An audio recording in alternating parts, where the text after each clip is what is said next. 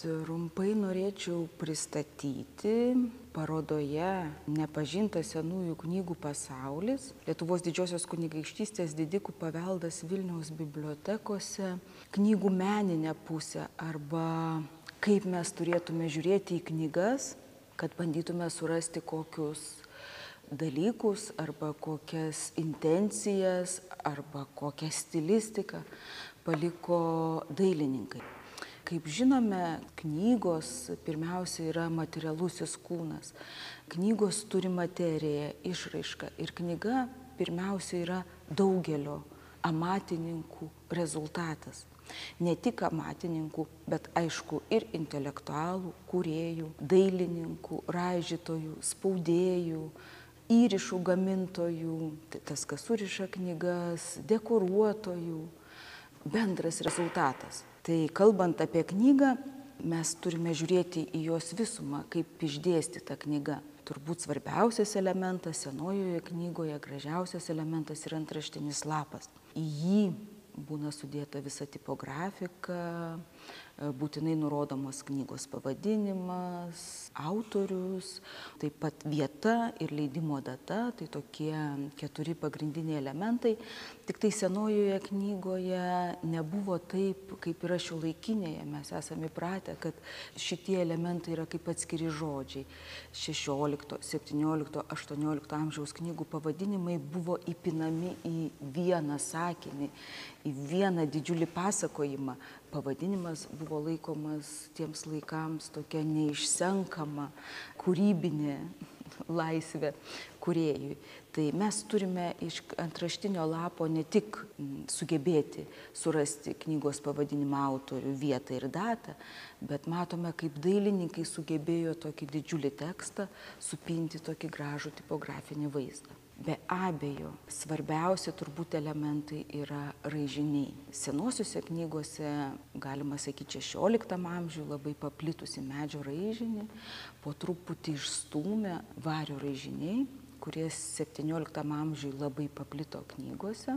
Pagrindinis kūrėjas tų raižinių arba pagrindinė vieta, kur labai stipri, stipriai platino juos, aišku, buvo Olandija, tuo metu Antverpenas būtent plantenų spaustuvė, kuri, galima sakyti, diktavo madas visai Europos spaustuvių tradicijai.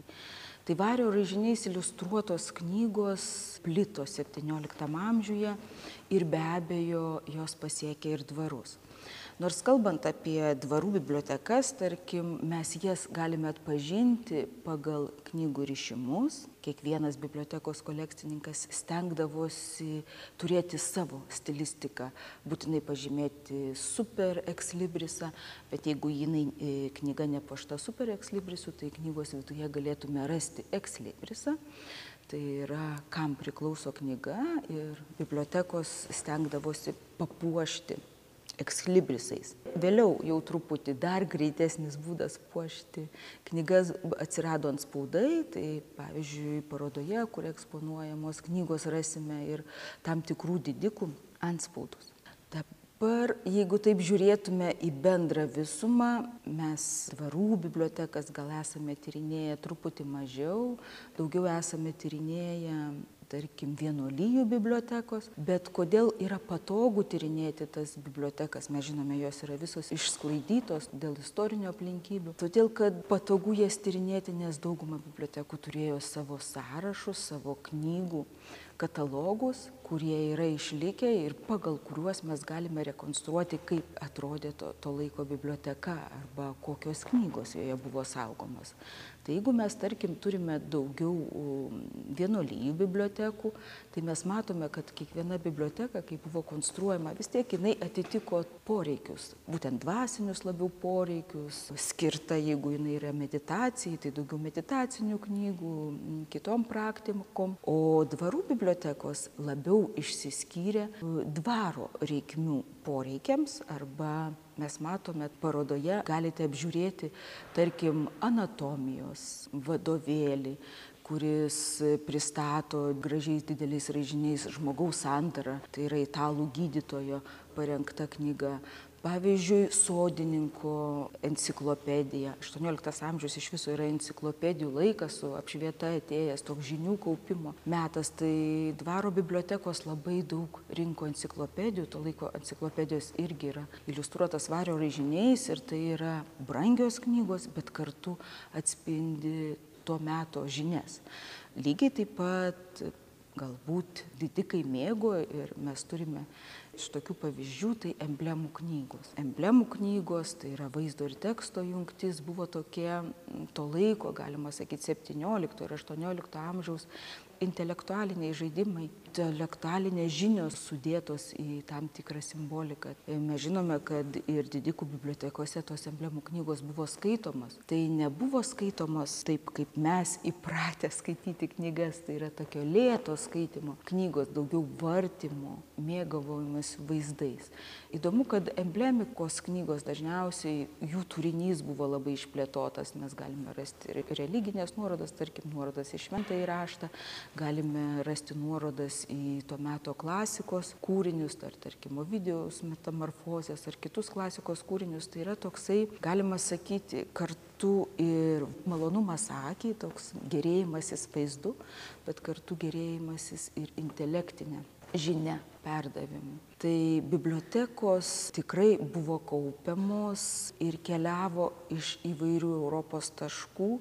Dažniausiai jeigu dvaras turėdavo buvo turtingesni didikai be abejo jie galėjo turėti ir bibliotekininką kuris turėdavo savo agentus arba žmones kurie vykdavo užsakydavo knygas rinkdavo specializuotai. Ir tikrai mes parodoje galime pamatyti kad toje pačioje didiko bibliotekoje yra knygos ir iš londono ir iš paryžiaus ir iš romos taigi apima visą europą dabar dėl kalbų buvo tikrai septynioliktas amžius jau aštuonioliktam amžiuj mažiau egzistavo ta vadinamoji interkalba lotynų kalba tikrai išsilavinusių žmonių kalba kurios buvo išmokstama. Bet šalia egzistavo ir didikai tikrai kalbėdavo bent keliomis europos kalbomis. Ir iš knygų mes matome ir prancūziškai ir vokiškai ir lotyniškai knygos yra paskaitomos ir buvo skaitomos taip pat bibliotekose matome tarkim ir tokių mažų maldynėlių. Tai be abejo su didikų parašytais ar pasibrauktais dalykais be to kad knyga yra tam tikra žinia bet jinai aišku ir naudojama tokiam kasdieniniam savo maldingumui. Tai bibliotekos buvo tikrai turtingos po nuo kelių tūkstančių ir daugiau knygų.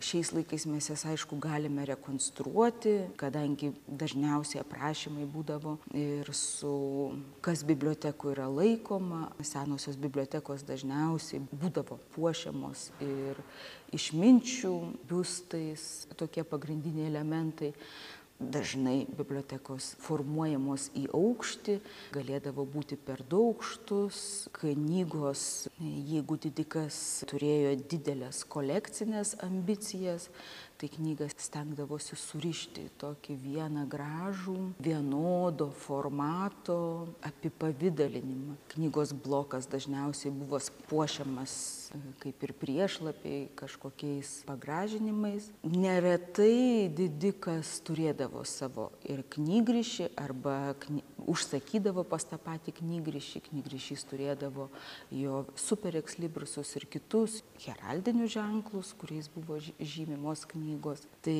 galima sakyti kad knygą pirmiausia šitoje parodoje siūlau žiūrėti kaip į tikrai puikų to laiko gaminį to laiko intelektinės tokios raiškos meninės raiškos ir tokio amatininko junginį